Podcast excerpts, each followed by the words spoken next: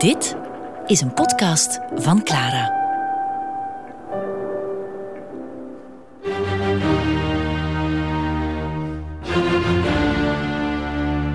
Beethoven met Jan Kaiers.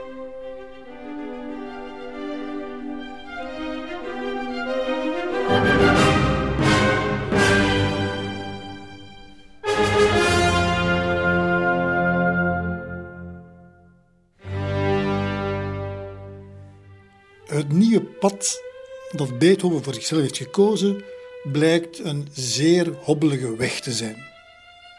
Zo was de première van zijn opera Leonore op 20 november 1805 alles behalve een succes.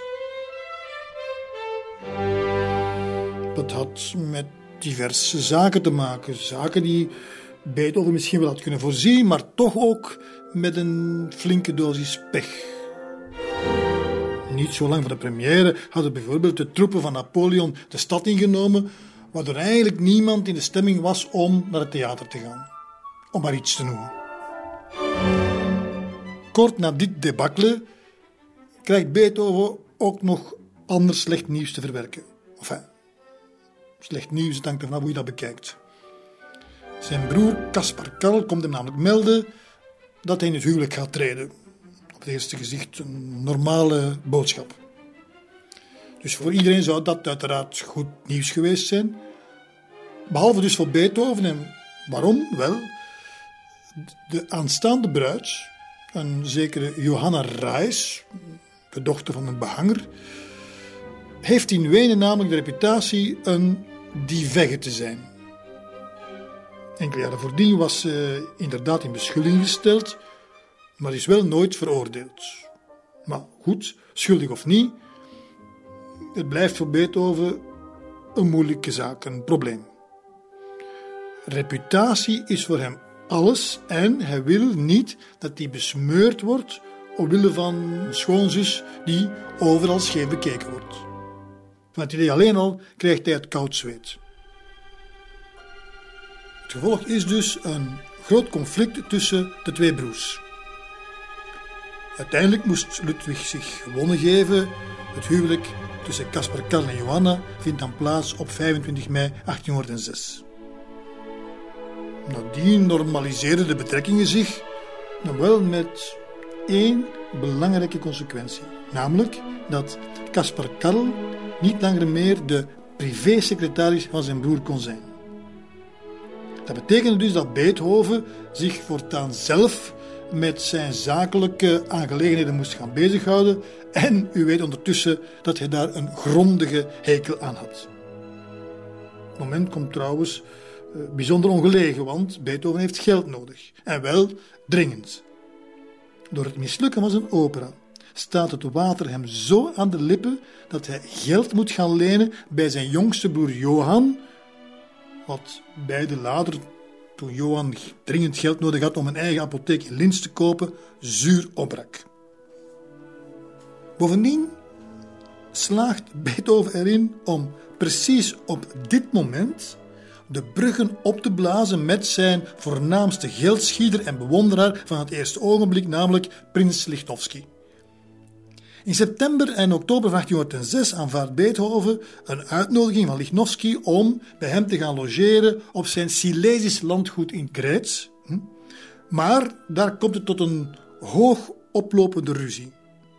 Lichnowsky had er namelijk niet beter op gevonden om wat zoete broodjes te bakken met de vijand en nodigde een aantal Franse officieren uit.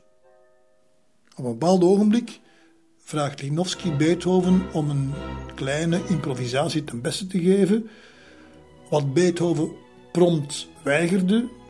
Hij viel nog liever dood dan een fractie van zijn talent aan dat gespuis in uniform te spenderen. Lichnowsky wist niet wat hij hoorde.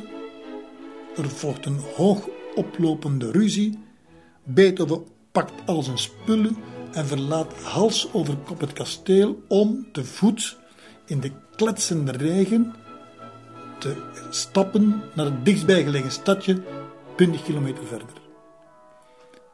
En daar aangekomen, en voor hij zich ontdeed van zijn doornatte kleren, schreef hij een brief naar Lichnowsky met de woorden: Prins, wat u bent, bent u door toeval en geboorte. Wat ik ben, ben ik door mezelf. Er zullen nog duizenden prinsen komen, zoals er ook al duizenden waren. Maar er is maar één Beethoven. Er is maar één Beethoven. En daar heeft hij natuurlijk gelijk in.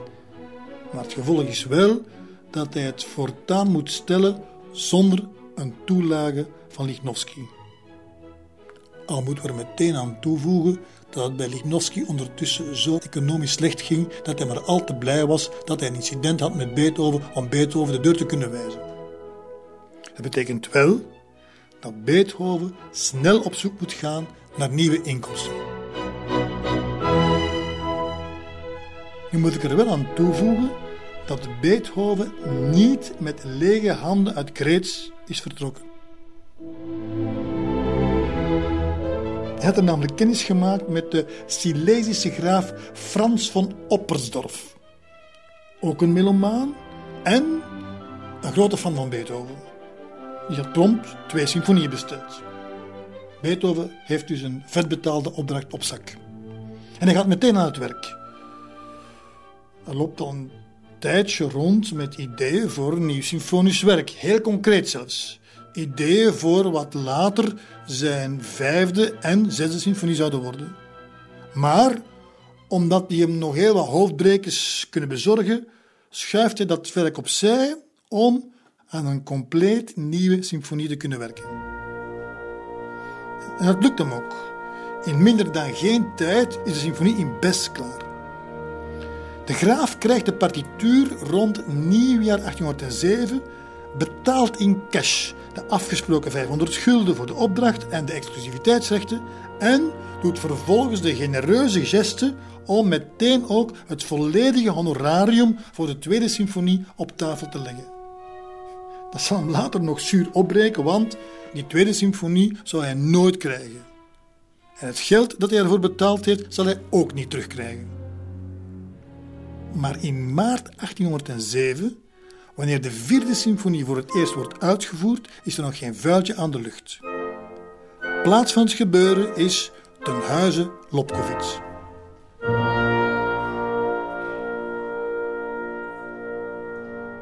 Die vierde symfonie van Beethoven wordt eigenlijk altijd stiefmoederlijk behandeld. Ze zit als het ware gevrongen tussen de derde, de Eroica, en de fameuze vijfde en gaat daardoor een beetje verloren. Nochtans is het een heel charmant stuk en tegelijkertijd iets met heel veel power. Is een symfonie waar aan de ene kant er hele mooie, lieflijke, zeg maar Italiaanse ideeën in voorkomen. En aan de andere kant is er een enorme stuwing, heel veel ritme. Hm? Voornamelijk natuurlijk in het laatste deel. Het laatste deel dat een soort perpetuum mobile is. Je komt als het ware in een soort roes met een voortdurende stuwing, af en toe wat teruggetrokken en dan weer vooruit. Hm? Um, en dat allemaal eigenlijk binnen een relatief kleine ruimte. Symfonie duurt ook niet zo heel lang, is veel minder uitgebreid en uitgecomponeerd als de Eroica. Het is precies omdat Beethoven binnen die kleine ruimte, dus ook omdat hij de symfonie snel heeft moeten schrijven, dat het hem gelukt is om heel economisch om te springen met het materiaal.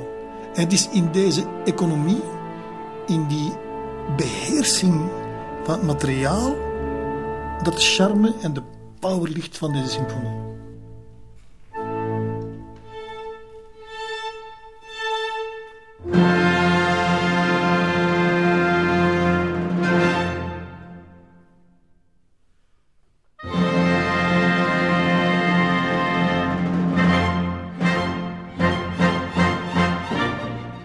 Beethovens vierde symfonie was dus een krachttoer. Ondertussen gaat het leven voort. Beethoven was ook maar een mens met een privéleven. In de lente van 1807 maakte hij bijvoorbeeld kennis met de 21-jarige schone Annemarie Bigot, een grote muziekliefhebster en een begenadigde pianiste. Een ideale partij zou je dus kunnen zeggen, mocht het niet zijn dat ze reeds getrouwd was. Klein probleempje, weliswaar, maar het schijnbaar toch niet voor Beethoven. Hij geniet zozeer van haar gezelschap dat hij bij momenten de vereiste etiketten en de toenmalige normen van fatsoen wel eens durft te overtreden. Hij flirt erop los en houdt geen rekening met de gevoelens van jaloezie van haar echtgenoot, de heer Bigot. Op een mooie lentedag schrijft hij haar volgend briefje. Beste vereerde Marie. Het is zulk goddelijk weer vandaag en wie weet of dat morgen nog zo is. Ik stel daarom voor dat ik u vanmiddag tegen twaalf ophaal voor een uitstapje. Omdat uw man vermoedelijk al weg is, kan hij lekker niet mee. Maar hij zal om die reden vast niet van ons verlangen dat we er helemaal van afzien. S'morgens is het nu op zijn mooist, dus waarom het moment niet benut als het zo snel weer voorbij is? Het past volstrekt niet bij de moderne en beschaafde Marie om ter wille van morele bezwaren mij het grootste genoegen te onthouden. Wat voor redenen u ook mag verzinnen, als u mijn aanbod afslaat, zal ik uw weigering toeschrijven aan het geringe vertrouwen dat u mij stelt en nooit meer van uw zuivere vriendschap overtuigd zijn. Beethoven schrijft deze uitnodiging in een opwelling, in een stijl die inderdaad niet helemaal volgens de maatschappelijke conventies is. Marie's echtgenoot kan er dan ook niet om lachen en stuurt hem een nijdige brief terug waarin hij Beethoven beschuldigt van onzuivere motieven. Beethoven schrikt, is er werkelijk van aangedaan en stuurt meteen een brief terug om zich uitgebreid te verontschuldigen. Beste Marie en beste Bigot. Ik betreur het bovenmatig te moeten vaststellen dat de meest zuivere en onschuldige bedoelingen vaak helemaal verkeerd worden begrepen. Hoe aardig u ook voor me bent geweest, beste Marie. Nooit heb ik daar ook maar een seconde meer achter gezocht dan gewoon vriendschap. U moet me wel erg ijdel en bekrompen vinden als u veronderstelt dat de hulpbereidheid van zelfs een zo edelmoedig man als u bij mij de gedachte oproept dat ik meteen ook uw hart heb veroverd. Bovendien is het een van mijn voornaamste principes om nooit anders dan louter vriendschappelijk om te gaan met de echtgenoten van een ander. Ik zou immers niet willen dat ik vanwege zo'n relatie het vertrouwen verlies van degene die wellicht nog eens mijn levenspartner wordt, waarmee ik door eigen toedoen een mooie en fijne toekomst bederf. Nooit, beste Bigot en beste Marie, maar dan ook nooit zullen jullie onzuivere motieven bij mij bespeuren. Van kindsbeen af heb ik geleerd wat deugdzaamheid is en wat mooi en goed is in het leven. U heeft mijn hart erg verwond en ik kan alleen maar hopen dat dit resulteert in een hechtere vriendschap. Jullie ware trouwe vriend Beethoven omhelst jullie allen.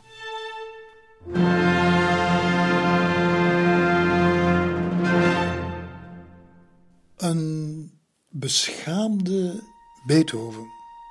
Maar laat ik één zinnetje toch nog eens herhalen.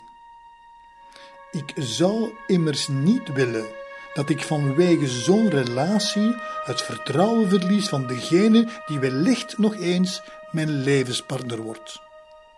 Daarmee bedoelt hij natuurlijk op zijn Josephine. En dat betekent dat hij, ondanks alles dus, ondanks al haar afwijzende brieven, nog steeds hoop koestert. Het zal dan ook niet lang duren of hij zal opnieuw een toenaderingspoging doen, maar eerst heeft hij nog een andere taak te vervullen en nog niet van de minste. Hij krijgt namelijk opnieuw een opdracht toegeschoven.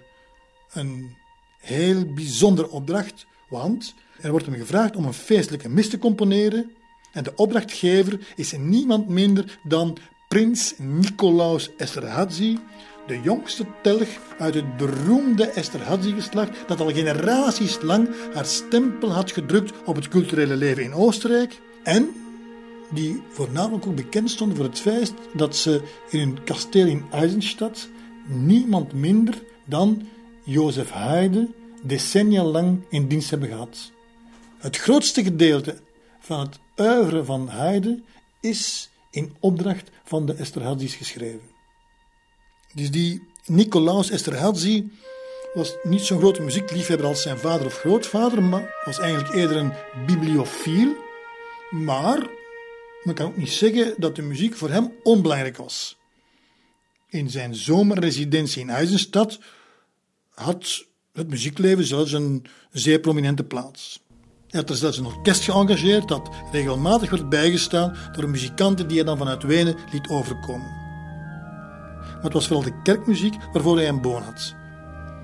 Het jaarlijkse muzikale hoogtepunt in Eisenstadt was dan ook een feestelijke mis die op het einde van de zomer georganiseerd werd naar aanleiding van de naamsdag van zijn echtgenote. En om dat te kunnen doen bestelde hij eigenlijk ook elk jaar een nieuwe miscompositie bij de belangrijkste componisten van zijn tijd. Beethoven heeft daar wel zin in, maar hij voelt zich wel niet helemaal op zijn gemak. Het is eigenlijk een genre dat compleet nieuw is voor hem. Hij had tijdens zijn jeugd in Bonn weliswaar meegewerkt aan heel wat misuitvoeringen, maar dat is ondertussen toch wel al een tijdje geleden. En wat hem nu ook weer parten speelt, is de angst om zich te meten met zijn ex-leraar Jozef Haydn. En die angst is eigenlijk helemaal niet ongegrond. Haydn had natuurlijk een enorme reputatie bij de Esterhazys, die bovendien dan toch eerder conservatief waren ingesteld. En het is natuurlijk zeer de vraag of die conservatieve smaak van de Esterhazys te rijmen zou zijn met het Beethoveniaanse geweld dat er ongetwijfeld zou komen. Want ook ditmaal heeft Beethoven zich met veel goesting aangezet en is hij opnieuw van plan om de grenzen van het genre op te zoeken en zelfs indien mogelijk te overschrijden. Het gevolg is ook dat hij onder meer door de angst, maar ook door de grondigheid waarmee hij dat project aanpakt, dreigt in tijdsnood te geraken. Hij is dus gedwongen om een nederige brief aan zijn opdrachtgever te schrijven, waarin hij zich in andere bochten moet wringen. Naast andere problemen verwijst hij naar een ziekte in zijn hoofd en ten bewijze daarvoor voegt hij er een doktersbriefje van dokter Schmitz aan toe. Bovendien vermeldt hij dat hij de hoogste eisen aan zichzelf moest stellen. Aangezien, en ik citeer, de prins de gewoonte had de niet te evenaren meesterwerken van de grote Haydn te laten opvoeren. Einde citaat. Esther Hadzi antwoordt koel en beleefd dat hij uitkijkt naar de spoedige komst van de partituur. Hij laat weten dat de onvermijdelijke vergelijking met Haydn alleen maar tot hogere waardering kan leiden en wenst de componist een spoedig herstel. Voor de zoveelste keer geraakt de partituur van Beethoven slechts op de valreep klaar. Voor de zoveelste keer is er ook te weinig repetitietijd. En voor de zoveelste keer is er een valse start voor wat achteraf gezien één van de absolute meesterwerken in Beethovens repertoire is en een keerpunt in de geschiedenis van de kerkelijke muziek.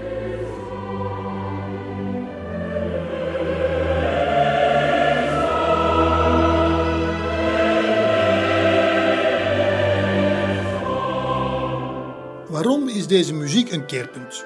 Wel, omdat Beethoven hier een belangrijk ideologisch statement maakt. Dit is muziek die het niveau van het liturgische decor gevoelig overstijgt. Het gaat hier namelijk om het uitdrukken van diep religieuze gevoelens. Alles draait om de tekst. Het orkest heeft dan ook een tweede rangsrol gekregen. Het mag wat muzikale ondersteuning geven en hier en daar wat inkleuren, maar het is het koor dat hier centraal staat. Het koor draagt de tekst. Elk woord en elke zin krijgen hier de gepaste uitdrukking, de juiste klemtonen. Zinnen worden ook herhaald wanneer ze inhoudelijk van belang zijn. Het is als het ware een lange conversatie met God. En alle vormen van gebed zitten erin verwerkt. Het loven, het aanbidden, het smeken en het danken. Het is zoals Beethoven zijn eigen religiositeit beleeft. Iets wat voor hem enkel een individuele aangelegenheid is. Iets dat ver afstaat van de kerk als instituut. Is misschien enkel in mijn verbeelding, maar het lijkt alsof hij met de intensiteit van het koorgezang zijn toehoorders wil oproepen om hetzelfde te doen. Of nee, het is niet alleen mijn verbeelding, want Beethoven laat geen enkele kans onbenut om hier zijn sceptisch ten aanzien van het instituut kerk en de leer in de verf te zetten. Het credo, iets dat traditioneel over het militante karakter van de kerk gaat, begint bijvoorbeeld met een aarzelend crescendo, alsof Beethoven wil aantonen dat hij er zelf niet veel van gelooft.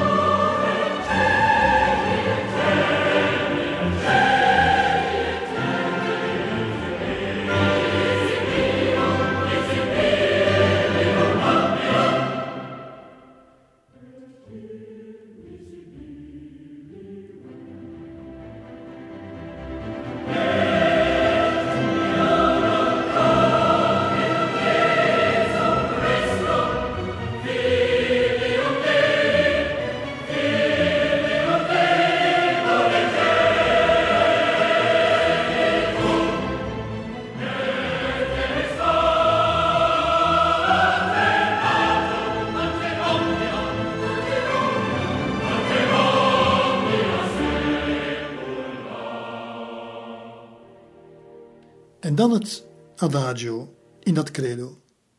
Het is ongeveer een derde van het deel en dat is op zichzelf heel veel betekenend. En waar gaat het over? Wel, het gaat alleen maar over het lijden van Christus, diens pijnlijke menswording.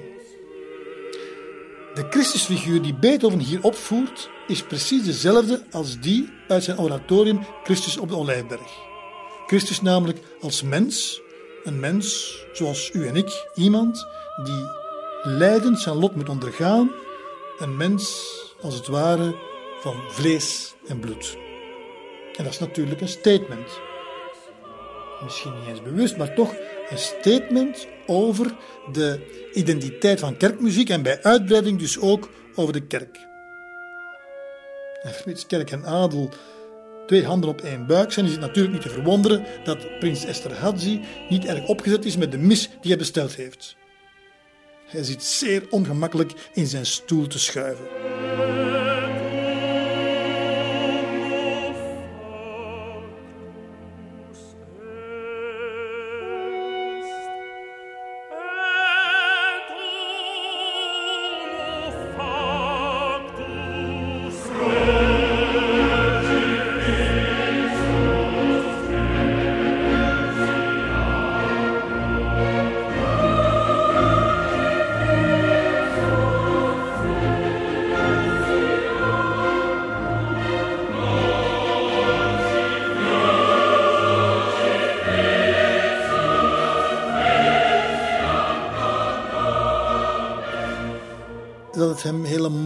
Niet bevalt is mogelijk in eerste plaats te wijten aan een soort Pavlov-reactie.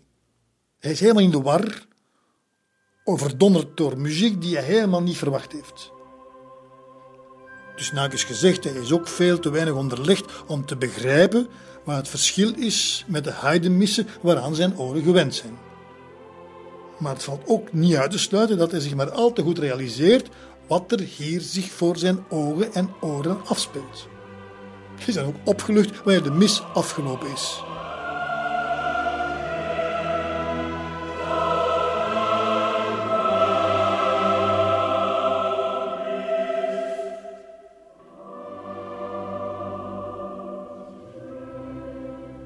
Op de ontvangst na de mis kan hij zijn ongenoegen niet wegstoppen en zegt hij tegen Beethoven: Wel, mijn beste Beethoven, wat heb je daar toch weer gefabriceerd? Kritiek, jawel. En iedereen weet inmiddels dat Beethoven daar niet tegen kan. En alsof de opmerking van Esther Hadzi nog niet genoeg is, kan de kapelmeester Hummel, die vlak naast de prins staat, het niet nalaten om even te grinniken. Zo'n klein, venijnig grinnikje als teken van instemming. Beethoven ontploft bijna. Enfin, hij kan zich nog net inhouden. Hij buigt eerbiedig het hoofd en draait zich om zonder nog iets te zeggen. Met grote passen loopt hij de zaal uit, terwijl de prins en zijn gevolg hem verbouwereerd nakijken. En wat Esterhazy op dat ogenblik nog niet kon weten, is dat het kwaad nog grotere proporties zou aannemen. Want wat Beethoven heel slim bekeken had, was dat de muziek voor deze mis er zich eigenlijk perfect toe leende om zich op te delen in wat je zou noemen aparte hymnen. Is liederen die op zich konden staan. Bij de onderhandelingen met zijn uitgever stelt hij voor om ook een Duitse vertaling te laten maken van de Latijnse tekst, waardoor de hymne ook op concerten zouden kunnen worden uitgevoerd. Ongetwijfeld zouden ze daar in de protestants georiënteerde Duitse landen wel oren naar hebben. Het was dit soort secularisatie waar de aristocraten voor huiverden en wellicht vrees Esterhazy dat hij daar medeplichtig bij was. Voor Beethoven was het natuurlijk een zoete wraak, maar daar heeft hij op dat ogenblik nog maar weinig aan. Hij is neergeslagen, prikkelbaar, vermoeid, overspannen. Hij heeft zich de afgelopen maanden werkelijk uit de naad gewerkt om zijn mis op tijd klaar te krijgen. Nu hij weer in Wenen is, heeft hij behoefte aan wat houvast. Hij zoekt het gezelschap op van zijn beste vrienden. Maar er is maar één persoon in de wereld die hem werkelijk gemoedrust kan schenken. Eén vrouw. En dat is natuurlijk zijn Josephine.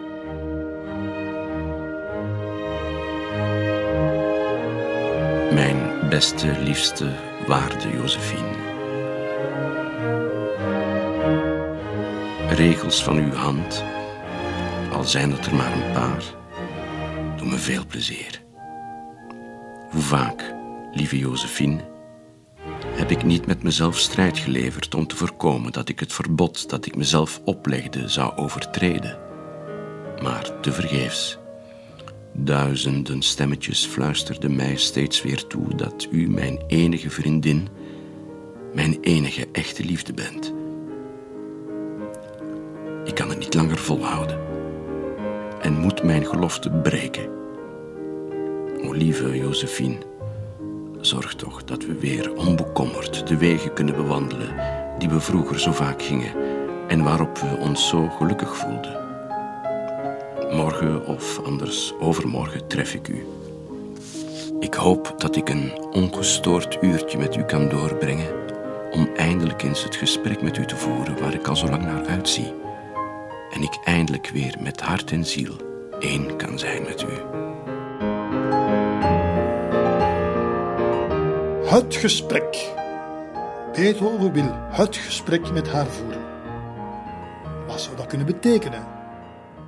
Wil Beethoven haar ten huwelijk vragen? Daar lijkt het op. Maar één ding is zeker: Josephine heeft duidelijk geen zin in een dergelijk gesprek. Ze laat niets van zich horen en opnieuw gaat Beethoven bij haar langs. Maar verder dan haar voordeur geraakt hij niet. Een bediende meldt hem dat ze niet thuis is.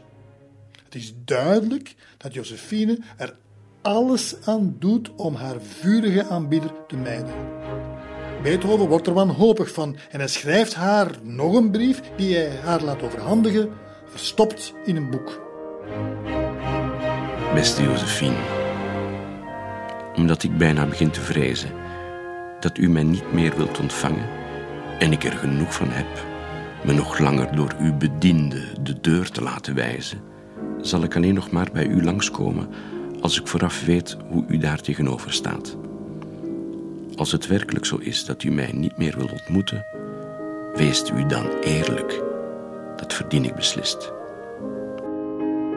Het besluit om een tijdje afstand van u te bewaren nam ik omdat ik veronderstelde dat u daaraan behoefte had. Ofschoon ik er erg onder leed, wist ik me eroverheen te zetten. Later begon ik weer te geloven dat ik uw bedoelingen verkeerd had ingeschat.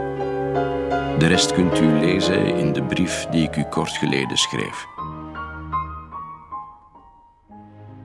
Beste Josephine, laat u me weten hoe u over dit alles denkt. U verplicht zich nergens toe. Wat mijn eigen opvattingen betreft, onder de huidige omstandigheden kan ik die beter voor me houden. Ik wens u het allerbeste, lieve, lieve Josephine.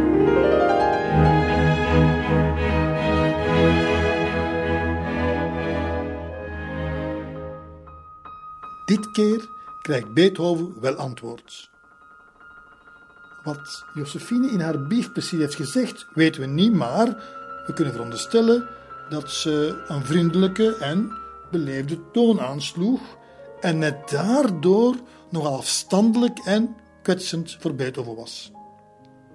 Dat valt af te leiden uit de laatste brief die hij aan haar stuurde. Het is toch bijzonder moeilijk, vind ik, om hier geen medelijden met hem te hebben. Beste Josephine, ik dank u voor uw pogingen om me te doen voorkomen, alsof u me nog niet helemaal uit uw gedachten hebt verbannen. Ook al werd u daartoe mogelijk vooral aangespoord door anderen. U wilt van me horen hoe het met me gaat. Een moeilijkere vraag kan me haast niet worden gesteld. Liever dan deze naar waarheid te beantwoorden, laat ik deze maar onbeantwoord. Het allerbeste, lieve Josephine. Als altijd uw eeuwig toegenegen Beethoven.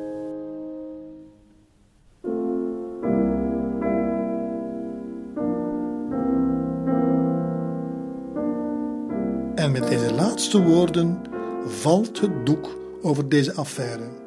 Of tenminste voorlopig toch. Vanaf september 1807 gaan ze elk hun eigen weg. Eenzaam en alleen trekt Beethoven de donkere herfst- en wintermaanden in. Wat kan hij anders doen dan zich maar opnieuw op zijn werk te gooien? Als zijn liefde hem niet gegund is, schiet er voor hem alleen maar een leven voor de kunst over. En hij heeft genoeg te doen. Twee symfonieën heeft hij op stapel staan. De symfonie in Do klein en de pastorale symfonie. Al enkele jaren is hij daarmee bezig. Het voorbereidend werk is al helemaal gedaan, ze moeten alleen nog afgewerkt worden. Tegelijkertijd moet hij ook veel energie blijven steken in het lobbyen om zijn muziek uitgevoerd te krijgen. Het hoogste doel blijft natuurlijk andermaal een eigen academie in een van de grote theaters. Dat is het meest lucratief. Maar dat is ook weer het oude verhaal. Van de theaterdirecties krijgt hij maar weinig steun. Zijn geduld wordt zwaar op de proef gesteld, maar het loont. Op 22 december 1808 mag hij eindelijk in het Theater aan de Wien een nieuwe academie organiseren. Het is het bekende verhaal. Alles moest weer last minute gebeuren. Amper repetitietijd, gefrustreerde muzikanten die nog van natte partituren moesten spelen, partituren die vol fouten stonden, complete chaos dus. Op een bepaald ogenblik ontspoorde de uitvoering zelfs zodanig dat men moest stoppen en van vooraf aan beginnen. Het was allemaal fantastische muziek, Maar ik denk niet dat er iemand in de zaal zat die er zo over dacht. Het publiek werd vier uur lang op de proef gesteld. Er scheen maar geen einde aan te komen. En bovendien was het dan nog eens Siberisch koud in de zaal, putje winter. Een regelrechte marteling. Die hele academie was in feite een soort anticlimax na een gouden tijd waarin Beethoven heel veel goede muziek heeft geschreven. Het was dan ook voor hem een bittere ontgoocheling. En dat is zo jammer. En toch, wat had ik er graag bij geweest? Alleen maar om mij te laten verrassen door het ongewone begin van de vijfde symfonie. Papapapam. Dat toen voor de eerste keer geklonken heeft. Dat moet voor de mensen naar een onwaarschijnlijke shock geweest. Een sensatie door de merg en been is gegaan.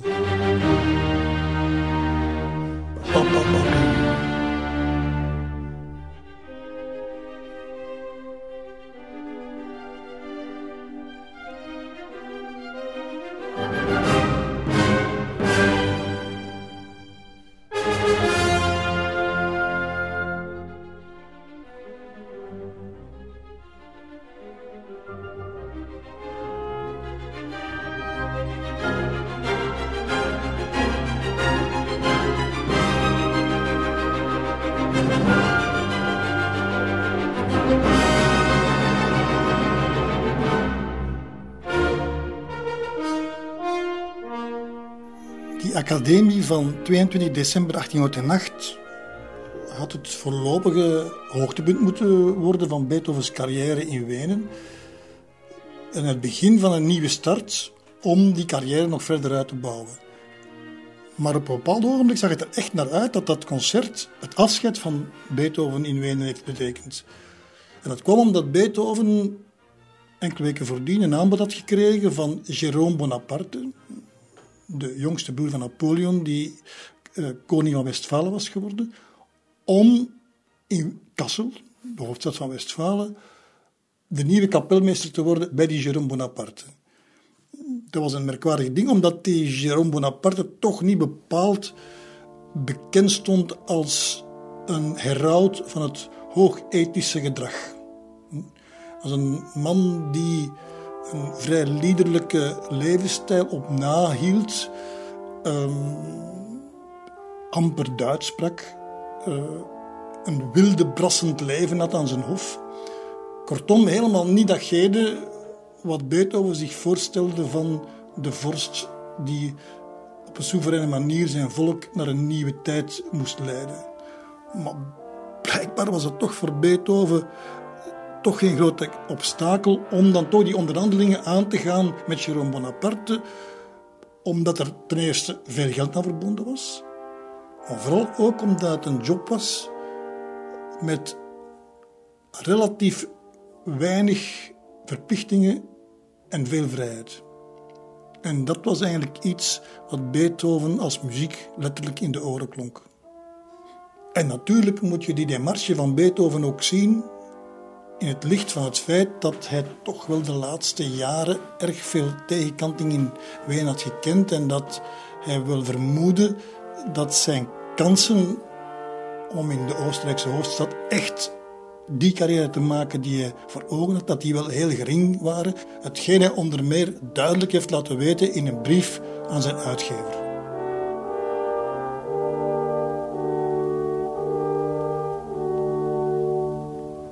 Vanwege allerlei intriges, ruzies en valse streken is het tenslotte zo ver gekomen dat ik gedwongen ben om het laatste restje van ons Duitse vaderland vaarwel te zeggen. Ik heb het aanbod van zijn majesteit de koning van Westfalen aanvaard om kapelmeester te worden met een jaarsalaris van 600 gouden ducaten en ik zal me daar gaan vestigen. Zojuist heb ik mijn toezegging op de post gedaan het wachten is nu alleen nog op mijn contract. Dan kan ik voorbereidingen treffen voor de reis, die over Leipzig zal gaan. Om die toch een bijzondere glans te geven, vraag ik u om mijn nieuwe composities niet voor Pasen openbaar te maken. Over mijn vertrek uit Wenen mag in de Musikalische Zeitung uiteraard best een balletje worden opgegooid. Een paar verwijten uitdelen mag ook, omdat niemand hier ooit een hand voor meer zullen uitsteken. Hoogachtend, uw toegenegen dienaar, Beethoven.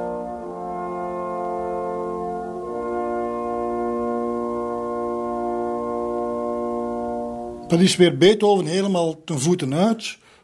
Altijd maar verongelijkt, uh, zich tekort gedaan voelend.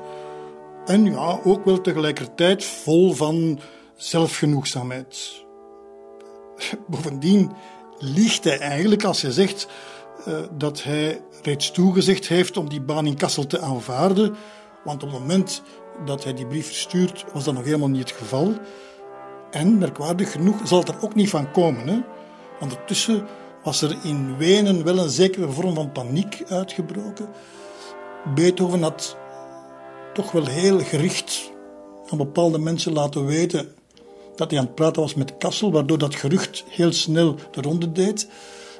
En ja, het was wel voor de Oostenrijkse aristocraten een klap in het gezicht als hun icoon van hun cultuur hun stad zou verlaten, nota bene nog om te gaan werken voor een decadente Franse concurrent.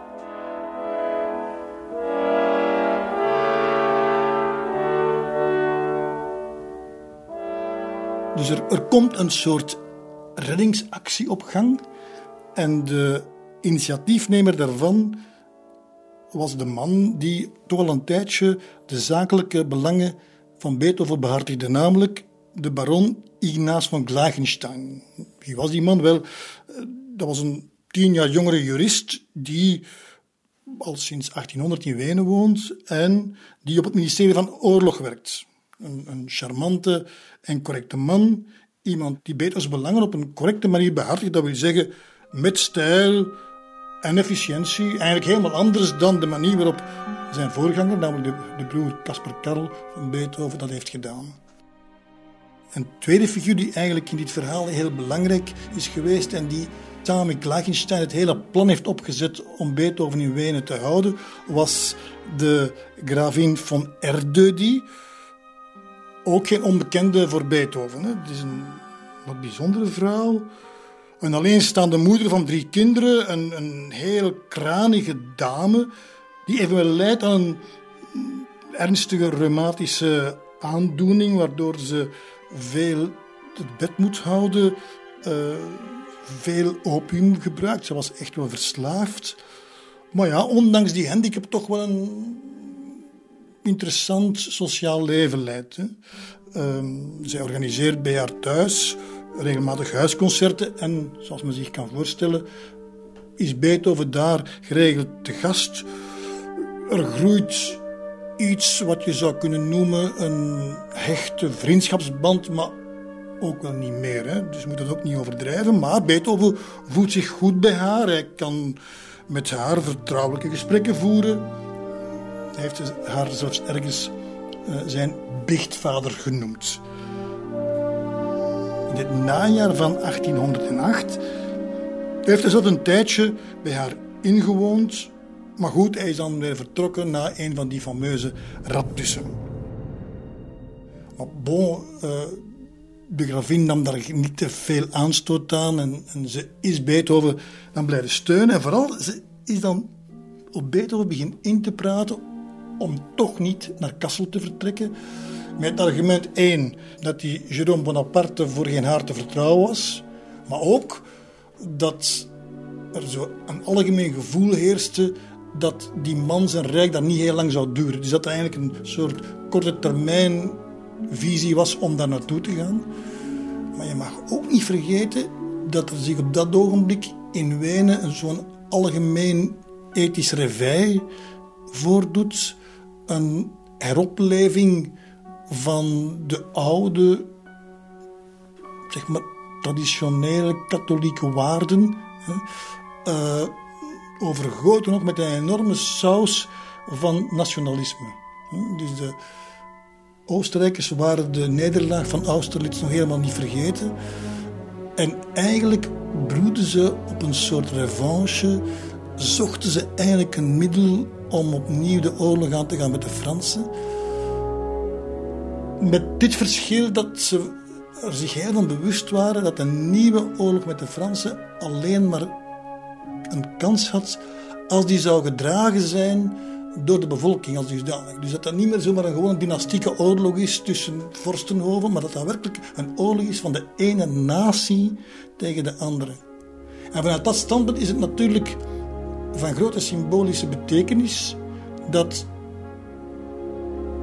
de natie Oostenrijk zich als één blok kon zetten achter een icoon, achter een symbool, zijn de Beethoven. En dat men dan ook alles aan deed om Beethoven daar te houden. Hè. En dat was een beetje het discours van die gravin van Erdödy. Samen natuurlijk met toch misschien wel een plan om Beethoven een soort context te geven, een materiële context te geven, waarin hij toch volledig vrij zou zijn.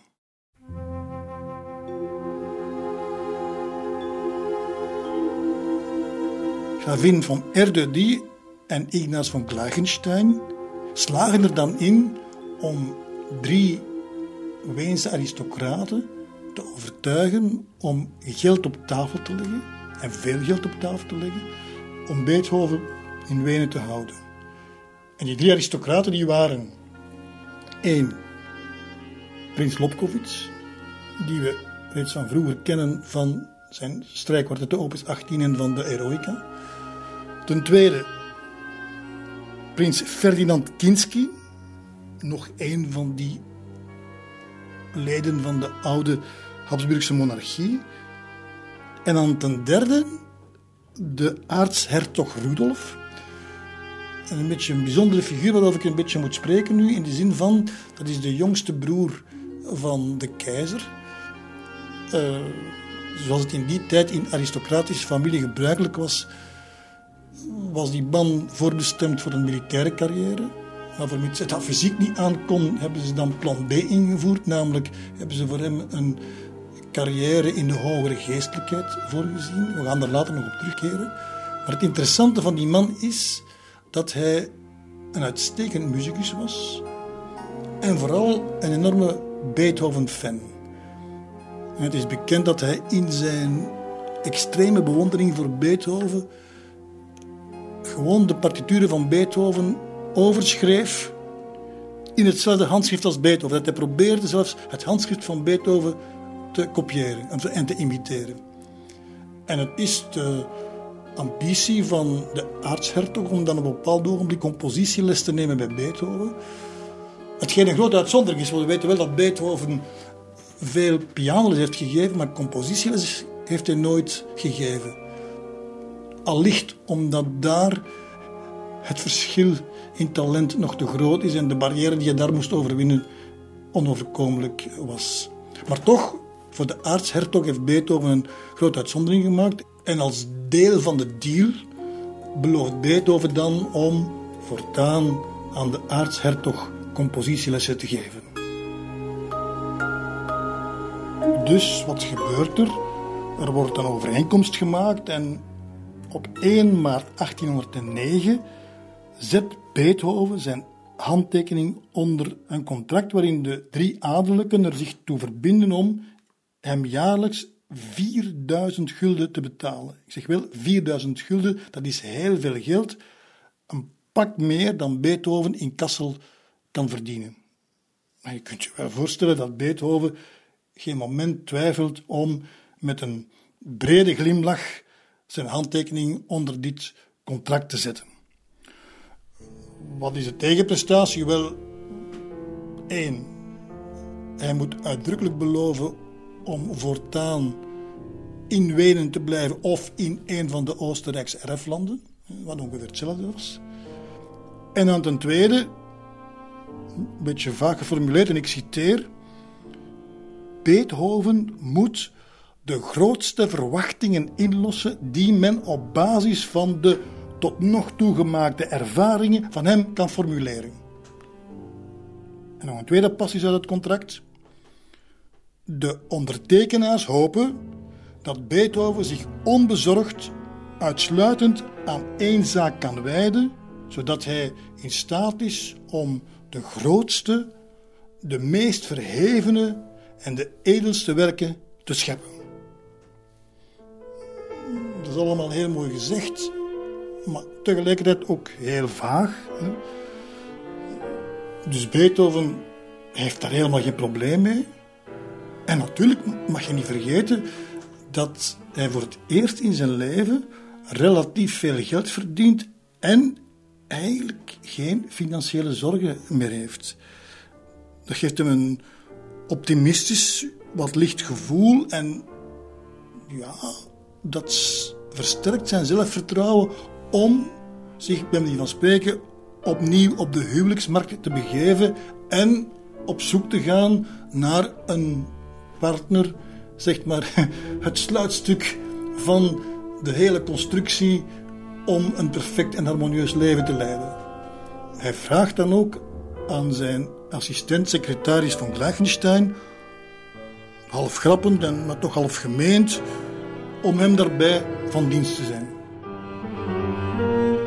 Als je daar in Freiburg een schoonheid tegen het lijf loopt van wie je denkt dat ze mijn harmonieën zo nu en dan met een hartstochtelijk smachten wil verrijken, leg dan alvast maar contact.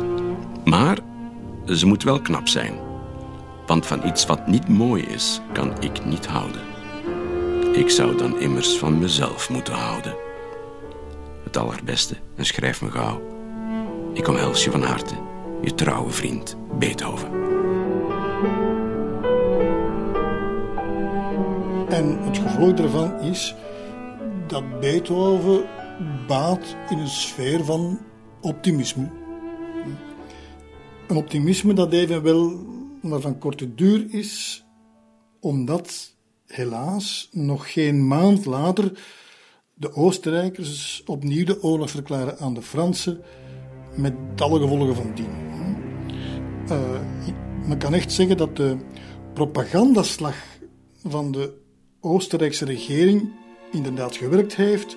Men is erin geslaagd om het grootste leger ooit op de been te brengen. En men heeft de bevolking zover gekregen dat ze bereid zijn om het land met hand en tand te verdedigen. Waarmee ze echter geen rekening hebben gehouden, is het feit dat ze de klus helemaal op hun eentje moeten klaren, omdat geen enkele andere grootmacht bereid is om hen te steunen. De diplomatie had het inderdaad volledig laten afweten. Dat is een geweldige ramp. En Napoleon, hem kennende, laat niet met zich zollen. De Oostenrijkers op hun beurt evenmin. En het gaat hard tegen hard. Maar het Franse leger is een soort pletwals en het drukt alsmaar verderop richting Wenen. Scenario waarbij dan niemand in Wenen rekening heeft gehouden. Hè. En op 11 mei is dan eigenlijk echt zover. De Fransen omsingelen de stad. Gedurende twee dagen wordt het centrum beschoten met mortiergranaten. Ongelooflijk verschrikkelijk. In een mum van tijd wordt er een enorme ravage aangericht. En voor Beethoven is dit een onwaarschijnlijk regelrechte hel. Het lawaai dat die kanonade veroorzaakt is voor zijn gevoelige oren werkelijk ondraaglijk. Bij elke luide knal grijpt hij naar zijn oren om ze af te schermen. Uiteindelijk vlucht hij naar het huis van zijn broer Kaspar Karl daar in de Rauensteingasse. Ze duiken onder in de kelder, waar ze min of meer veilig zitten, beschermd toch wel tegen de rondvliegende projectielen. En de bombardementen gaan gewoon door. Urenlang zit Beethoven daar voorovergebogen, het hoofd en zijn overgevoelige oren bedekkend met kussens. Pas op 12 mei om half drie in de namiddag besluiten dan de Oostenrijkers zich over te geven. Maar daarmee is de ellende helemaal nog niet voorbij. Hè? Gedurende vijf maanden zullen de Fransen een waar schrikbewind voeren over de stad. En ook de economische gevolgen van die oorlog zijn voor de Wijners catastrofaal. Oostenrijk moet gigantische oorlogsschadevergoedingen betalen. Het heeft een derde van het territorium en dus ook een derde van de belastingbetalers verloren. De staatsschuld stijgt naar ongekende hoogte en om die dan te financieren moeten er extra belastingen geheven worden. Er is niks nieuws onder de zon. Daarbovenop reizen de voedselprijzen nog eens compleet uit de pan omwille van mislukte oogsten. Dat is natuurlijk voor iedereen een geweldige ramp en dus ook voor Beethoven. Want wat blijkt nog eens op de koop toe? Graaf Kinski, een van die drie mecenassen en bovendien diegene die er zich toe had verbonden om het meeste te betalen, is in allerijl naar het oorlogsfonds getrokken en heeft het, al dan niet opzettelijk, nagelaten om de instructies te geven voor het betalen van Beethovens salaris. Beethoven, eh, wie ondertussen uit water aan de lippen begint te staan, stuurt verschillende brieven naar de man die de zaken van Kinski behartigt, maar die helaas ook niets kan ondernemen. De situatie is werkelijk uitzichtloos en Beethoven kan nu echt niet anders dan bedelbrieven te schrijven en om het geld bijeen te schrapen daar waar hij denkt dat hij het kan krijgen. Om te beginnen bij zijn uitgever.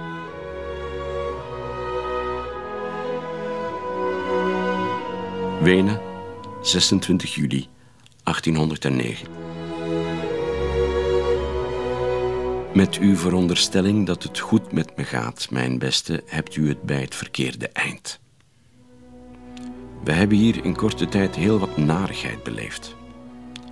U zult dat begrijpen als ik zeg dat ik sinds 4 mei weinig substantieels heb kunnen componeren, hoogstens wat fragmenten. Ik ben erg aangedaan door wat er is gebeurd, zowel geestelijk als lichamelijk. En ik kan ook nog steeds niet genieten van wat zo onontbeerlijk voor me is: het landleven. Het inkomen dat ik kort geleden wist te verwerven, biedt me maar weinig zekerheid. Zelfs in de korte periode die sindsdien is verstreken, heeft men mij de gedane toezeggingen niet kunnen nakomen. Van een van de ondertekenaars, Prins Kinski, heb ik nog geen cent gezien, terwijl ik het nu juist zo hard nodig heb. God weet hoe het gaat aflopen. Moet ik Wenen misschien dan toch nog vaarwel zeggen? Vanaf vandaag gaan de nieuwe belastingheffingen in. Wat een woestenij. Wat een chaos is er hier. Niets dan tromgeroffel, kanongebulder en allerhand menselijk leed. Mijn omstandigheden dwingen me om tegenover u weer als een echte vrek te gedragen. U moet me de 250 gulden maar sturen voor de drie grote werken die ik u gaf. Ik geloof niet dat ik u daarmee het vel over de oren trek. En op het moment kan ik het geld goed gebruiken. Want op hetgeen me per decreet is toegezegd, hoef ik nu niet te rekenen. Laat u me daarom weten of u mijn aanbod aanneemt. Voor de mis alleen al kon ik 100 gulden krijgen. U weet dat ik bij dit soort zaken altijd open kaart speel. Als ik naar een andere stad verhuis, laat ik u dat meteen weten. Maar als u mij per omgaande terugschrijft, dan tref ik uw brief vast nog wel hier. Wie weet hebben de goden bepaald dat ik Wenen toch als mijn definitieve standplaats zal beschouwen. Ik wens u het allerbeste, voor zover dat in deze chaotische tijden mogelijk is. En beveel mij aan als uw toegenegen dienaar en vriend, Beethoven.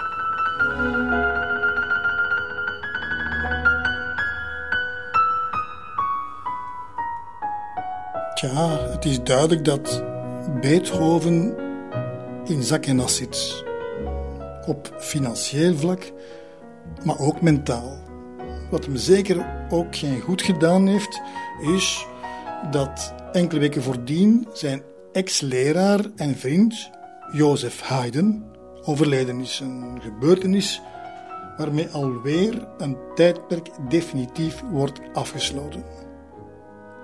En in feite, en dat is toch wel zeer opvallend, doet Beethoven dat ook op muzikaal vlak, want in de zomer van 1809 legt hij de laatste hand aan zijn vijfde pianoconcerto.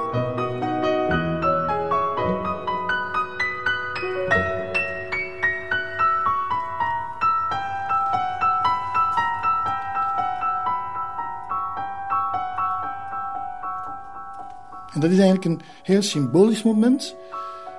Wanneer je het hele uiveren van Beethoven overschouwt, dan kan je echt wel zeggen dat hij met dit pianoconcerto definitief een punt heeft gezet achter wat je zou kunnen omschrijven als zijn heroïsche stijl. Onmiddellijk nadien schrijft hij dan een aantal, zeg maar, bijna verstilde kamermuziekwerken.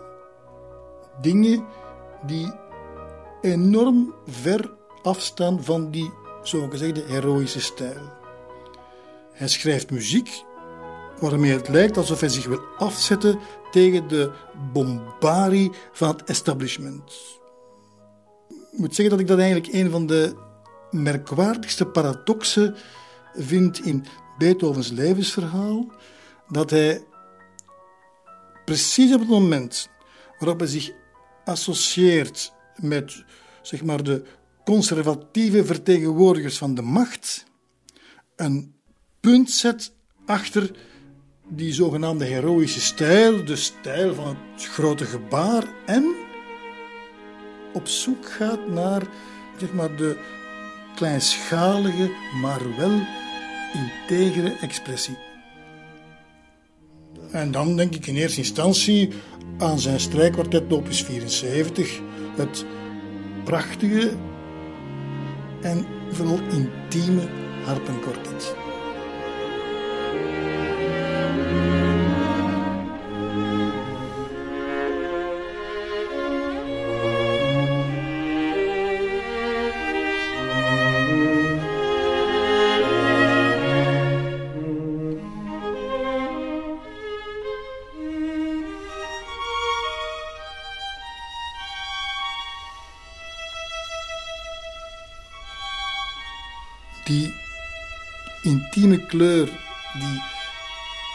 Atmosfeer. Hoor hoe Beethoven hier alle ruimte laat voor de ontplooiing van een rustige, ik zou bijna zeggen, een in zichzelf gekeerde melodie. Dit is een volkomen nieuwe Beethoven. Een gevoel voor lyriek dat hem trouwens niet meer zal verlaten. Al zijn latere kamermuziek is hiervan doordrongen.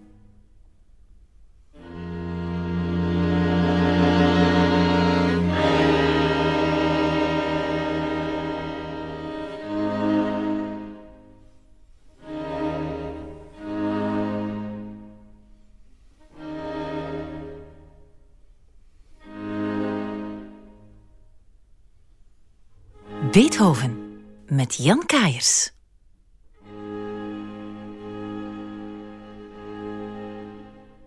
Door het Franse beleg brengt Beethoven het grootste gedeelte van de zomer van 1809 in Wenen door en niet op het platteland. Hij maakt van de gelegenheid gebruik om researchwerk te doen met het oog op zijn lessen aan de aartshertog Rudolf. Lessen die door de omstandigheden natuurlijk op de lange baan zijn geschoven. De keizerlijke familie, Rudolf inbegrepen, was immers enkele dagen voor de belegering van de stad op de vlucht geslagen en vervolgens hadden ze hun intrek genomen in hun paleis in Pest, waar ze van op afstand dan de verdere ontwikkelingen hebben afgewacht. Maar de uitstel komt Beethoven eigenlijk wel goed uit. Het geeft hem bijvoorbeeld de kans om wat lectuurachterstand in te halen. Lezen is er immers door de drukke bezigheden van de voorbije jaren amper nog van gekomen. Beethoven verdiept zich nu in allerlei cultuurhistorische onderwerpen. Vooral de Griekse en Romeinse oudheid interesseren hem mateloos. Hij maakt er echt een studie van. Hij voelt dat ook aan als een plicht. Een kunstenaar moet voor hem ook een intellectueel zijn. Dat is ook de reden waarom hij de grootste achting heeft voor zijn intellectuele tijdgenoten. En wat wil nu het toeval? Wel, in diezelfde zomer, de zomer van 1809, krijgt hij een zeer aanlokkelijk voorstel. Een nieuwe compositieopdracht. En niet zomaar een. Het is een opdracht om muziek te schrijven bij een theaterstuk van niemand minder dan Goethe, de grootste intellectueel van zijn tijd. Iemand waar Beethoven een mateloze bewondering voor heeft.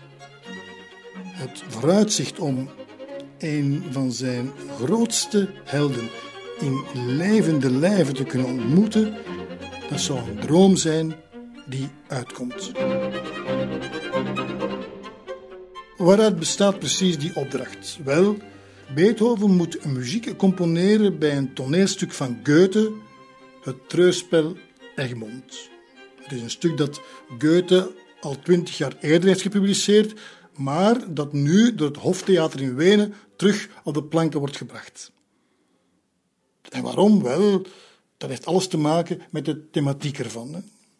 Egmond is de ons welbekende graaf van Egmond, de man die het opnam tegen de Spaanse bezetting in de Nederlanden en dat uiteindelijk met zijn leven moest bekopen.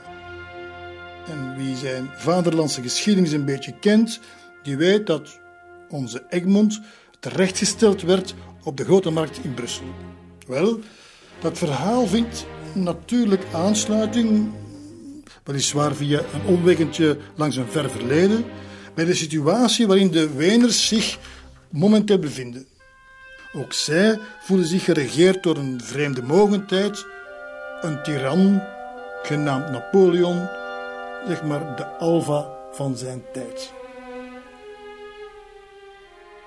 De keuze van de directie van het Hoftheater om dit stuk te programmeren is dus zeer wel overwogen. Wat ze daarmee doen is eigenlijk het surfen op de nationalistische sentimenten van de Weners. Succes gegarandeerd. Het mag dus ook wat kosten, ook al is het crisis. Ze pompen geld in nieuwe kostuums, nieuwe decors, een nieuwe regie en dus ook nieuwe muziek die ze bij de beste componist van de stad bestellen, bij Beethoven. En die vat zijn opdracht ernstig op, we kennen hem.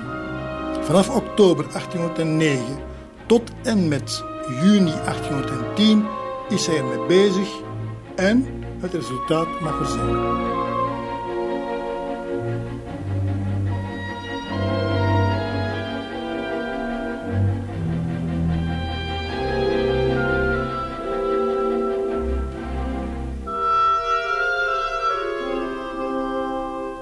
Scoren met een bisnummer in een concert, dan moet je altijd de Ouverture spelen.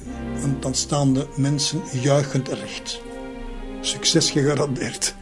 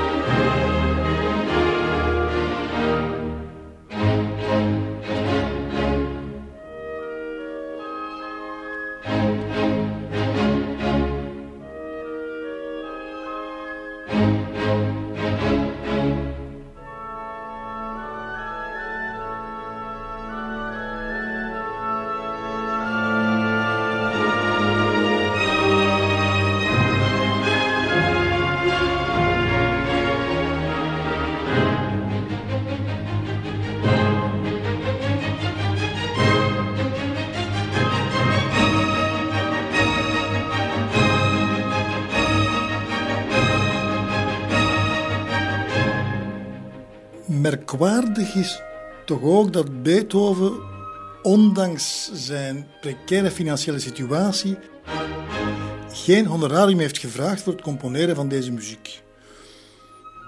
Puur uit liefde voor de dichter, zou hij achteraf beweren, uit liefde dus voor Goethe. Maar ik vermoed wel dat de realiteit iets complexer is geweest. Wat ik wel verleidelijk vind, is om te denken dat Beethovens enthousiasme voor het project misschien wel iets te maken moet hebben gehad met zijn eigen familiegeschiedenis. De bedovergrootmoeder van Beethoven was immers 30 jaar na Egmond ook publiekelijk terechtgesteld op de Brusselse grote markt. En vandaar misschien Beethovens sympathie voor de held van dit stuk.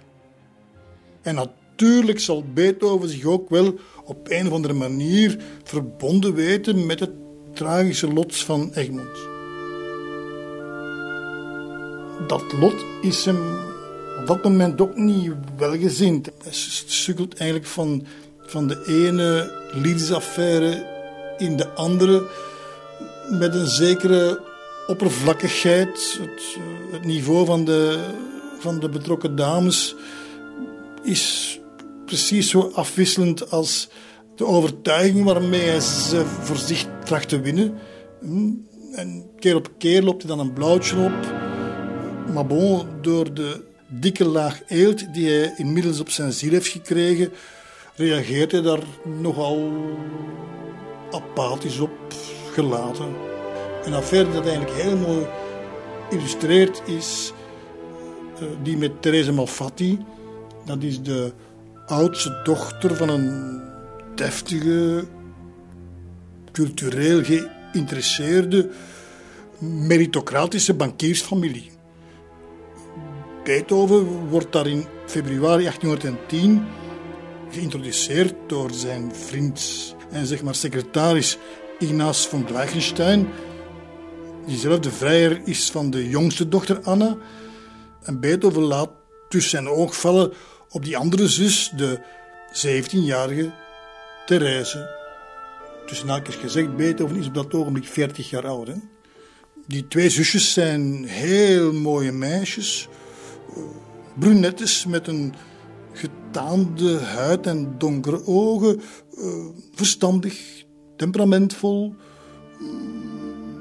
Maar ook een beetje koket en ja, volgens sommigen enigszins oppervlakkig. Maar dat heeft ook zijn charmes natuurlijk. Het vervolg klinkt vertrouwd. Een keurig geklede, gewassen en geschoren Beethoven komt zeer geregeld langs, speelt welwillend piano, geeft de dochters klavierles en pakt uit met zijn kennis over literatuur en filosofie.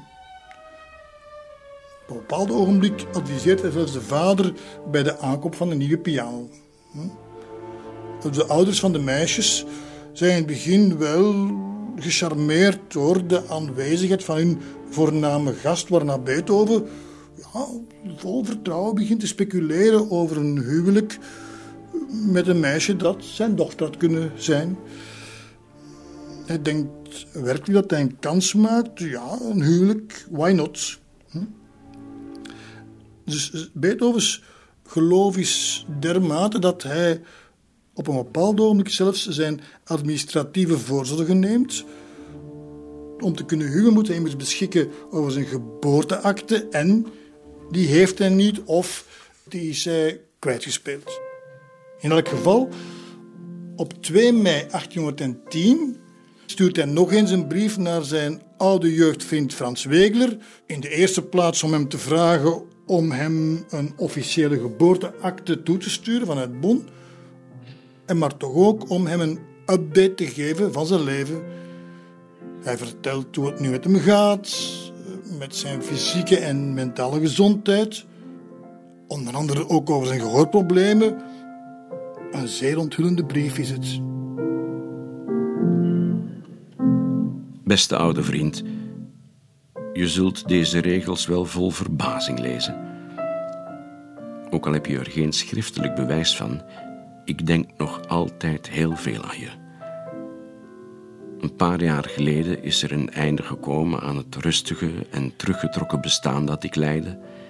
Ik werd met geweld het maatschappelijke leven ingetrokken. Veel goeds heeft me dat tot dusver niet gebracht. Misschien zelfs wel het tegendeel. Maar wie kan zich onttrekken aan de stormachtige ontwikkelingen om hem heen? Toch zou ik gelukkig zijn, misschien wel gelukkiger dan wie ook, als niet dat duiveltje zich in mijn oren had genesteld. Had ik niet ergens gelezen dat een mens niet vrijwillig van het leven afscheid mag nemen zolang hij in staat is om een goede daad te verrichten, dan was ik er al lang niet meer geweest en had ik de hand aan mezelf geslagen. Oh, oh het leven kan zo mooi zijn, maar voor mij is het voor altijd vergald. Blijf op een prettige wijze aan mij denken, hoe weinig ik dat op het eerste gezicht ook lijkt te verdienen. Omhels en kus je lieve vrouw, je kinderen en iedereen die je dierbaar is namens je vriend Beethoven.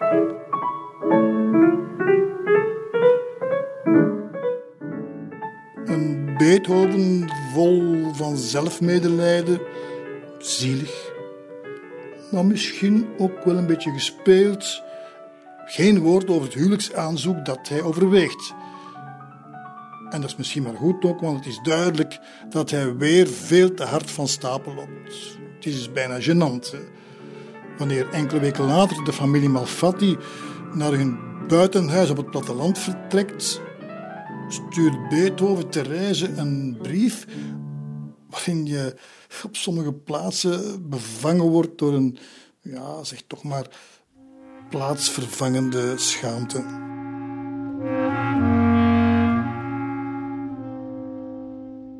Vereerde Therese. Ik hoop en twijfel er niet aan dat je jezelf goed vermaakt en in prettig gezelschap verkeert. Dit laatste niet te veel, zodat je ook nog een beetje aan mij denkt. Waarschijnlijk kom ik je te na of schat ik mijn betekenis voor je te hoog in als ik je citeer. Mensen zijn niet alleen vereend wanneer ze samen zijn. Ook wie ver weg of onbereikbaar is, leeft onder ons. Zoiets zeg je toch niet tegen de luchthartige, alles in het leven zo zorgeloos tegemoet tredende Therese. Stil is het om me heen. En ik voel me erg eenzaam.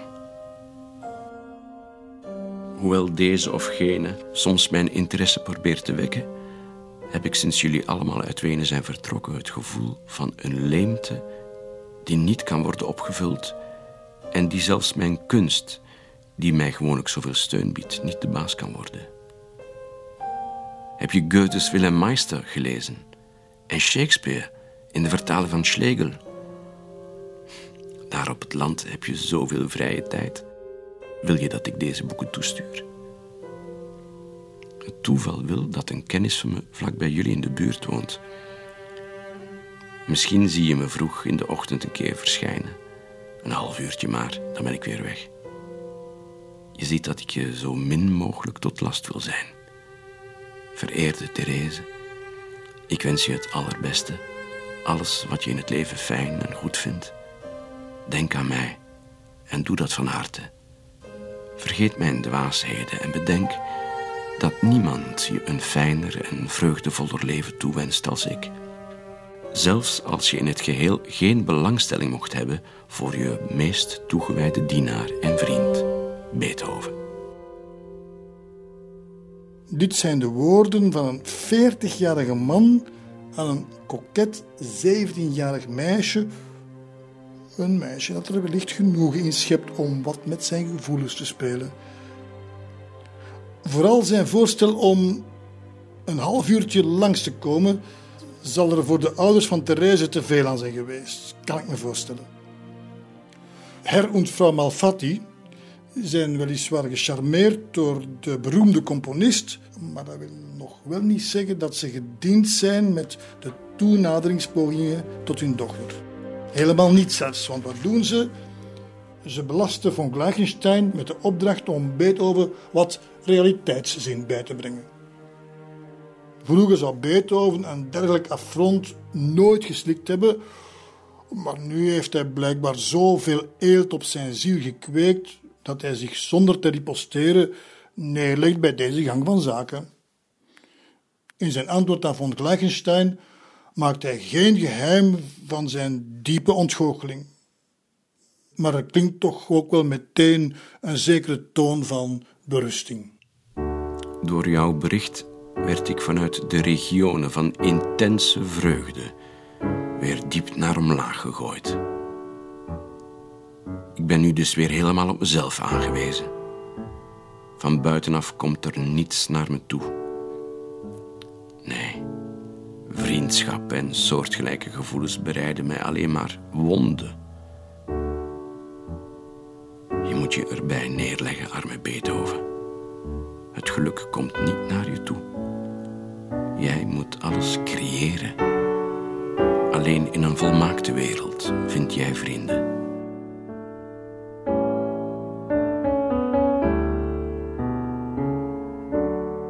Daarmee is de affaire Malfatti ook afgerond.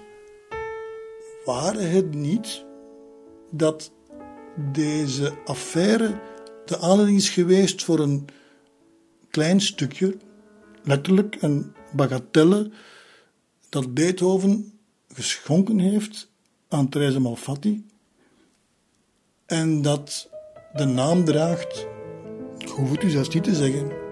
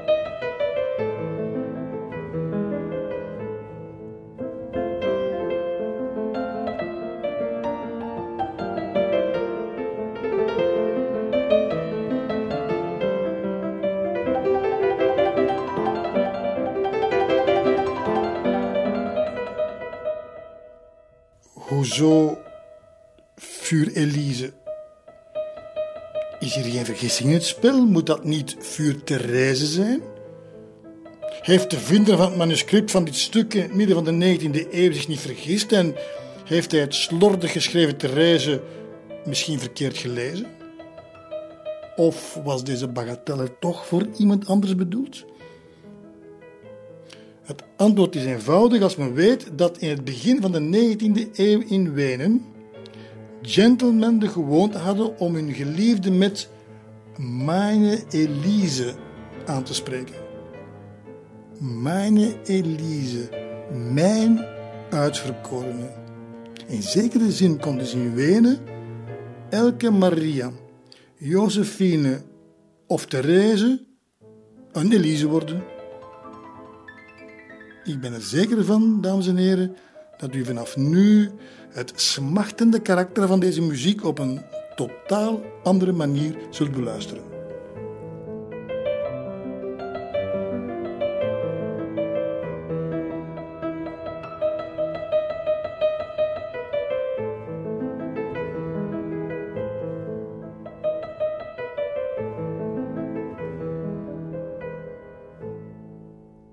Beethoven met Jan Kaiers. Ik wil zeker geen afbreuk doen aan de schoonheid van dit stukje muziek, maar toch, als je erbij stilstaat, blijft het verbazingwekkend hoe deze Vuur Elise een plaats heeft ingenomen in de Beethoven-biografie die in de verste verte niet in verhouding staat tot haar muzikaal belang. Vuur Elise was voor hem niet meer dan een tussendoortje bij het componeren van zijn muziek voor het Egmont toneel. Het is vooral daarop dat hij zich in het voorjaar van 1810 helemaal concentreert. Op 15 juni 1810 gaat het stuk in première en de bijdrage van Beethoven wordt unaniem bejubeld. Het was werkelijk een groot succes. Het enige jammer was dat de auteur van het stuk, Goethe hemzelf, niet aanwezig was. Maar zijn droom om ooit de beroemde dichter te kunnen ontmoeten, had hij niet schieten. En zeker niet omdat hij inmiddels de perfecte go-between heeft gevonden, een dame die Goethe persoonlijk kent, zeer intiem zelfs. Haar naam is Bettina Brentano. En wie is die Bettina? Wel, je zou haar kunnen omschrijven als het prototype van de groupie. Het soort vrouw dat erop uit is om in de nabijheid van beroemde mannen te zijn en dat op een bijna pathologische manier. Ik moet wel zeggen dat Bettina voor deze rol bijzonder goed gewapend is. Zij spreekt vloeiend verschillende talen, kent haar literatuurklassiekers, kan bladzijdenlang eigentijdse poëzie citeren, schildert niet slecht en ze componeert zelfs een beetje. Ze heeft dus voldoende kennis om over heel wat zaken mee te kunnen praten. En ja, ook fysiek mag ze er zijn. Al zijn er kwade tongen die beweren dat ze tijdens haar strenge opvoeding in een klooster iets te weinig in een spiegel had kunnen kijken, wat ze later irritant vaak moest goedmaken. Maar de lijst van Bettina's veroveringen is indrukwekkend. En daarop twee namen. Twee monumenten van de Europese cultuur, Goethe en Beethoven. Een interessant weetje daarbij is dat ze met de verovering van Goethe in de voetsporen trad van haar eigen moeder, Maximiliane de la Roche, die bijna 40 jaar voordien een affaire met de jonge Goethe heeft gehad. En dus ook Beethoven kan haar niet weerstaan. Ze lopen hand in hand door de stad. Hij neemt haar mee naar societyfeestjes, zelfs naar repetities. Van op de eerste rij mag ze dan bewonderend toekijken, wat zonder twijfel tot gemonkel bij de orkestmuzikanten heeft geleid. En dus, wanneer Bettina hoort dat het Beethovens grootste wens is om Goethe te ontmoeten, werpt ze zich meteen op als bemiddelaar. In augustus 1810 gaat ze Goethe opzoeken met onder haar arm een liederencyclus die Beethoven speciaal voor de gelegenheid heeft gecomponeerd. Was zieht mir das Herz so, was zieht mich hinaus und windet und schraubt mich aus Zimmer und Haus, wie dort sich die Wolken und Felsen verziehen. Da möchte ich hinüber, da möchte ich wohl hin, da möchte ich wohl hin. Wiegt sich der Raben geselliger Flug. Ich mische mich drunter und folge dem Zug. Und Berg und Gemäuer und Fittichen wir. Sie weilet da drunten, ich spähe nach ihr. Ich spähe nach ihr. Kommt sie und wandelt, ich eile so bald, ein singender Vogel zum buschigen Wald. Sie weilet und horchet und lächelt mit sich, ihr singet so lieblich und singt es an mich, und singt es an mich. Scheidende Sonne vergüldet die Höhen, die sinnende Schöne, sie lässt es geschehen. Sie wandelt am Bache die Wiesen entlang, und finster und finstrer umschlingt sich der Gang. Umschlingt sich der Gang. Auf einmal erschein ich ein blinkender Stern, was glänze da droben so nah und so fern. Und hast du mit Staunen das Leuchten erblickt? Ich lieg dir zu Füßen, da bin ich beglückt. Da bin ich beglückt. Wat Goethe van die liederen vond, dat weten we eigenlijk niet. Het vermoeden is wel dat ze helemaal niet naar zijn smaak waren. En wat helemaal vreemd is, is dat Goethe, die toch de gewoonte had zijn correspondentie goed te verzorgen, het nalaat om Beethoven hiervoor te feliciteren of gewoon te bedanken. Gewoonlijk wordt de schuld daarvan in de schoenen geschoven van zijn vriend Karl Friedrich Zelte, de Berlijnse componist en muziekgeleerde, op wie Goethe, die eigenlijk slechte had, die beter zag dan hoorde, blind voer als het over muzikale zaken ging. Zelter was namelijk een aanhanger van de oude stijl. Hij zwoer bij de waarde van de gedegen ambachtelijkheid, wat Goethe zeer zinde. En vanzelfsprekend had dus Zelter helemaal geen hoge pet op van Beethoven. Hij was van oordeel dat wiens muziek, en ik citeer, verwekt was door een vrouwelijke vader en een mannelijke moeder. En, nog erger, hij vergeleek Beethovens aanhangers met die der Griekse liefde. Het stilzwijgen van Goethe heeft Beethoven zeer teleurgesteld, maar hij geeft niet op. Iets meer dan een half jaar later, op dat ogenblik is de relatie met Bettina al lang achter de rug, doet Beethoven een tweede poging om zijn held te ontmoeten. Hij schrijft hem een geëxalteerde en iets wat onverdanige brief, waarin hij zijn bewondering voor de meester uitdrukt, in de hoop dat hij zo goed zou zijn om een audiëntie toe te staan.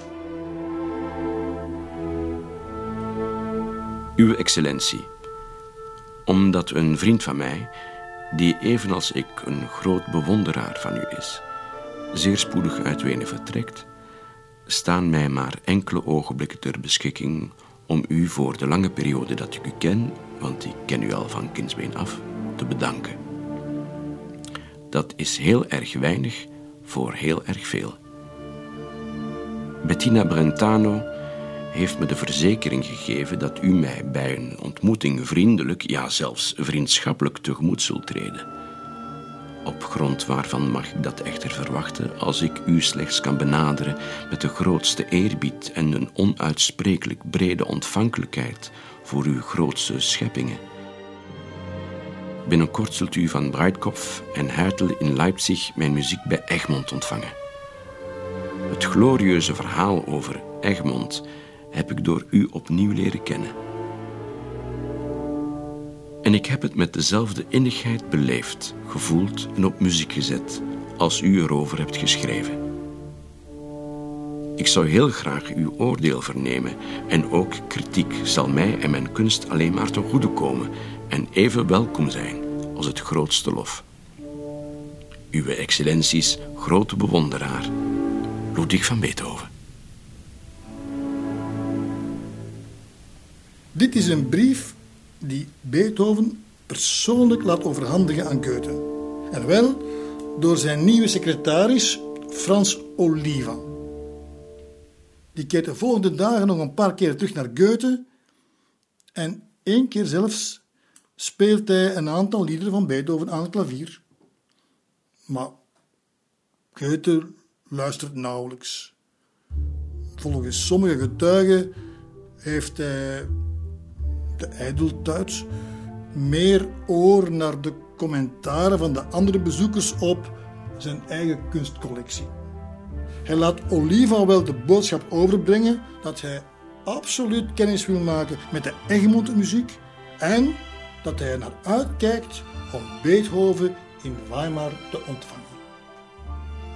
Het zou uiteindelijk toch tot in de zomer van 1812 duren vooraleer die twee reuzen van de Duitse cultuur, Beethoven en Goethe, elkaar in levende lijven zouden ontmoeten.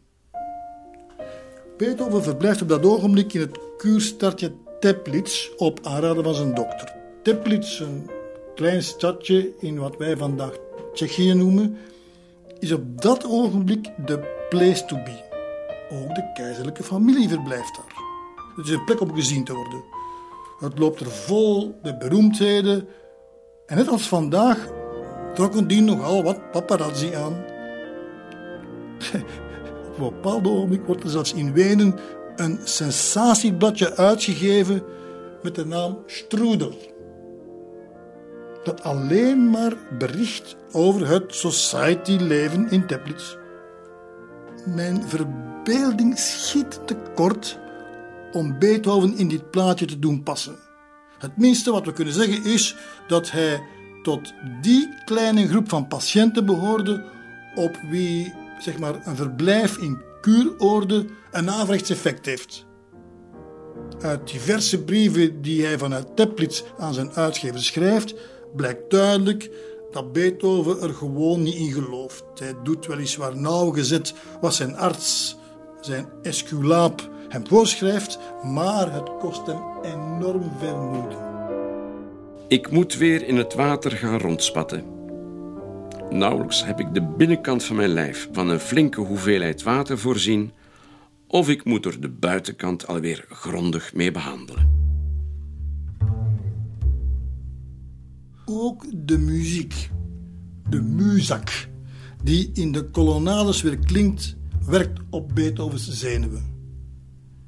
En het galmende geluid van de taterende menigte in de badruimtes doet hem pijn aan de oren. Gewoon gepraat was hem al vaak te veel, laat staan echoende small talk. Maar het is gelukkig niet al kommer en kwel. Zo kan hij zijn blijdschap niet op wanneer hij verneemt dat ook Goethe in het stadje is gesignaleerd. Op 14 juli schrijft hij opgewonden aan zijn uitgever: Goethe is hier. En enkele dagen later vindt het historische rendezvous plaats. At last, de droom die uitkomt. De dagen nadien trekken Goethe en Beethoven voortdurend met elkaar op. Ze gaan samen wandelen, maken een boottochtje. En minstens één avond improviseert Beethoven voor Goethe aan de piano. En toch klikt het niet helemaal tussen de beide heren. Al heeft Goethe wel veel bewondering voor Beethoven.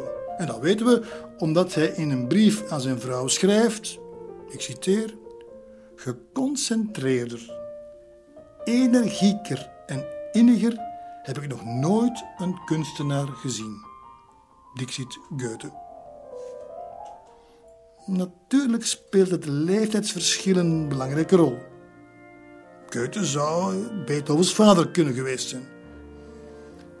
Maar fundamenteeler nog is het feit dat beide in een andere tijd en in een andere wereld leven. Goethe is een man van de 18e eeuw. Hij heeft een onwankelbaar geloof in een hiërarchische samenleving en laat dat ook merken door zich bij de macht aan te schurken. Beethoven daarentegen is de man van de nieuwe tijd.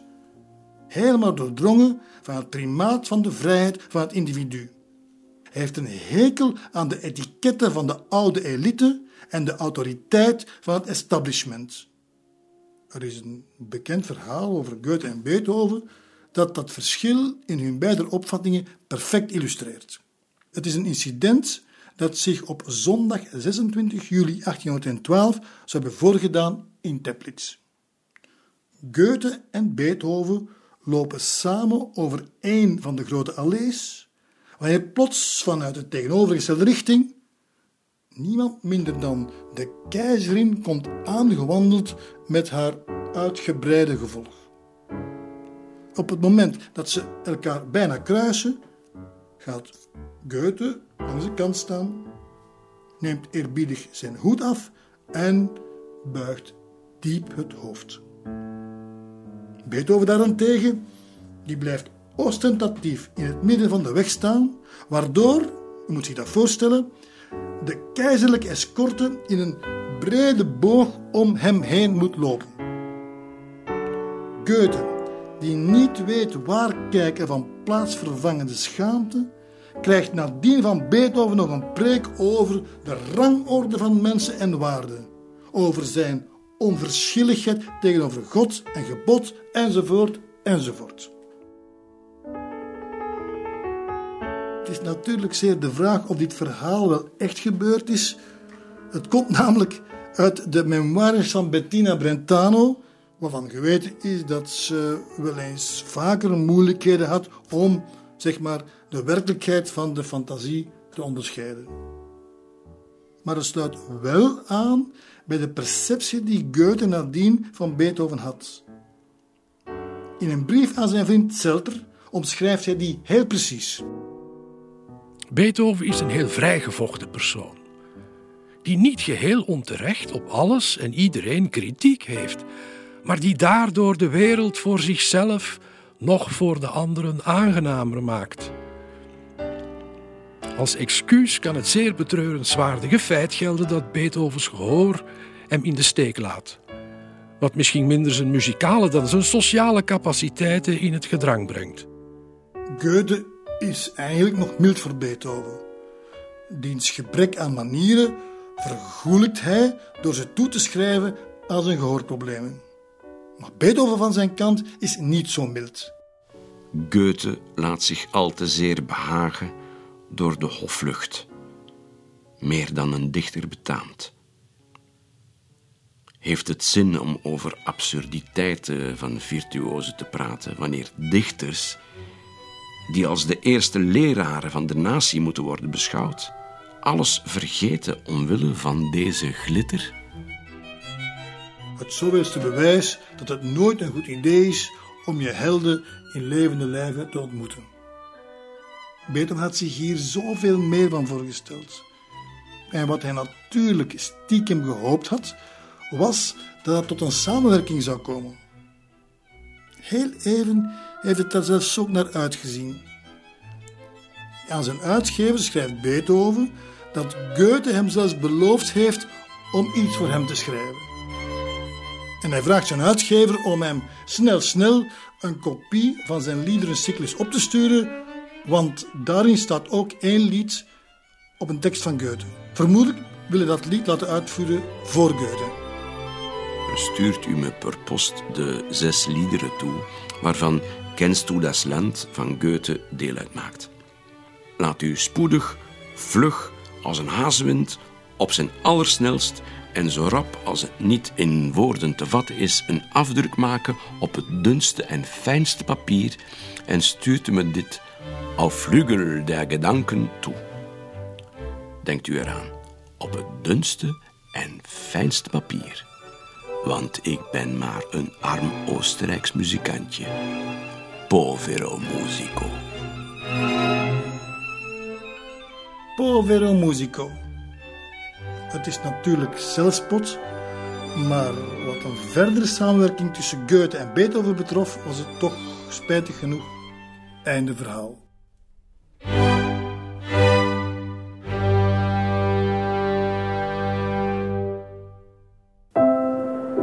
Ontdek ook onze andere podcasts via clara.be. Clara Podcast. Blijf verwonderd.